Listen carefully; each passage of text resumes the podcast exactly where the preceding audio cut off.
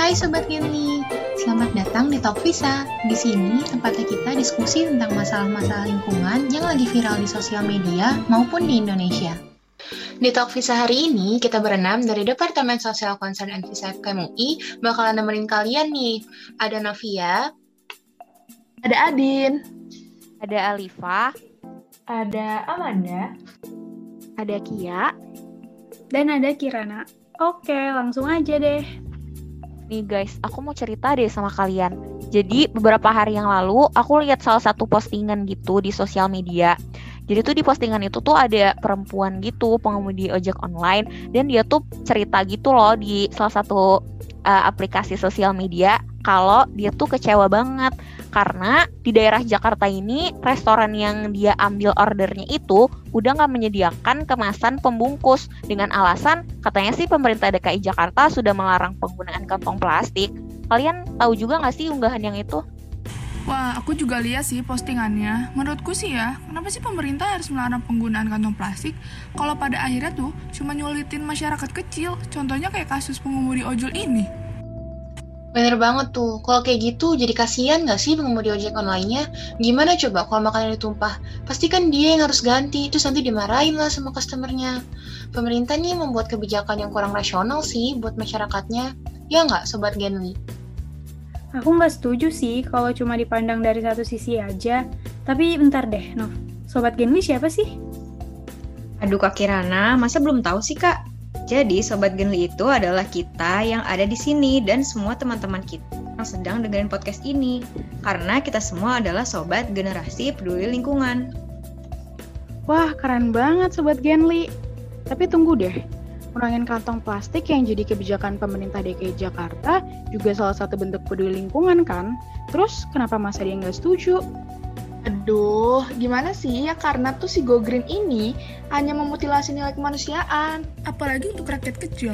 Aku jadi inget sama kata-kata salah satu aktivis lingkungan dari Brazil yaitu Chico Mendes. Beliau bilang, environmentalism without class struggle is just gardening. Hah, bentar. Apaan sih Din memutilasi nilai kemanusiaan yang kayak gimana coba? Menurutku nih ya, perubahan itu emang nggak bisa dilakuin kalau misalkan mengandalkan pihak-pihak tertentu aja. Kalau kita emang pengen adanya perubahan, ya kita juga harus ikut terlibat dong di dalamnya. Tapi nih ya, tindakan go green yang nggak pakai kantong, sedotan, atau kemasan plastik itu bisa aja ngerepotin penjual kecil. Terus kalau ngomongin soal biaya, itu juga bisa bikin mahal. Kayak tadinya yang pakai kemasan plastik harganya murah, eh pasti ganti ke kemasan berbahan kertas jadi mahal.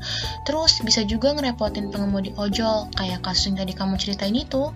Benar banget tuh, emangnya aktivis lingkungan liberal kooperatis yang memperjuangkan tindakan go green itu juga mempertimbangkan nasib penjual kecil dan pengemudi ojek online. Ngapain berusaha menghargai lingkungan kalau nilai-nilai kemanusiaan aja dilanggar? Menurut aku, gak ada nilai go green yang memutilasi nilai kemanusiaan kok. Ini cuma masalah perspektif aja. Perubahan itu emang gak mudah dilakukan karena dampaknya nggak instan, tapi bakal kita rasain di masa depan. Nah iya, aku juga nggak setuju sih kalau ada yang bilang Go Green itu memutilasi nilai kemanusiaan. Justru dengan dilakukannya Go Green ini malah dapat meningkatkan kesejahteraan manusia di muka bumi ini untuk masa depan. Dengan cara melestarikan kelingkungan alam.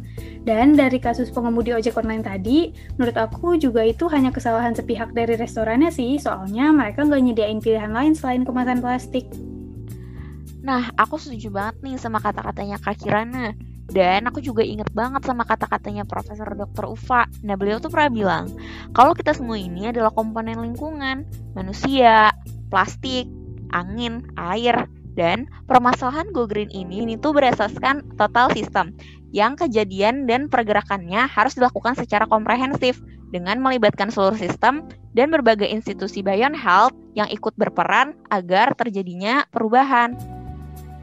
Hmm, iya juga sih ya kayak dari permasalahan ini sama obrolan yang kita alamin ini nih, aku jadi kayak punya pemikiran baru. Kalau permasalahan itu emang kurang bijak kalau cuma dilihat dari satu pihak aja ya nggak sih? Benar banget, Din. Dan regulasi mengenai pelarangan kantong plastik ini, menurut aku merupakan salah satu langkah bagus sih buat Indonesia maju yang lebih ramah lingkungan. Peraturan pelarangan kantong plastik ini termuat di Peraturan Gubernur DKI Jakarta nomor 142 tahun 2019 yang melarang penggunaan kantong plastik sekali pakai itu hanya menyasar pusat perbelanjaan, toko swalayan, serta pasar rakyat dan tidak mencakup kantong plastik yang digunakan untuk belanja barang dan makanan lewat aplikasi daring loh. Wah, keren juga ya. Apalagi kalau Jakarta nanti bisa menyusul kota Banjarmasin di Kalimantan Selatan yang udah tegas dan juga efektif dalam pelarangan kemasan kantong plastiknya. Hmm, kira-kira kapan ya dan apa bisa Indonesia jadi negara maju yang ramah lingkungan dan berhenti menggunakan kantong, sedotan, dan kemasan plastik yang sulit didaur ulang?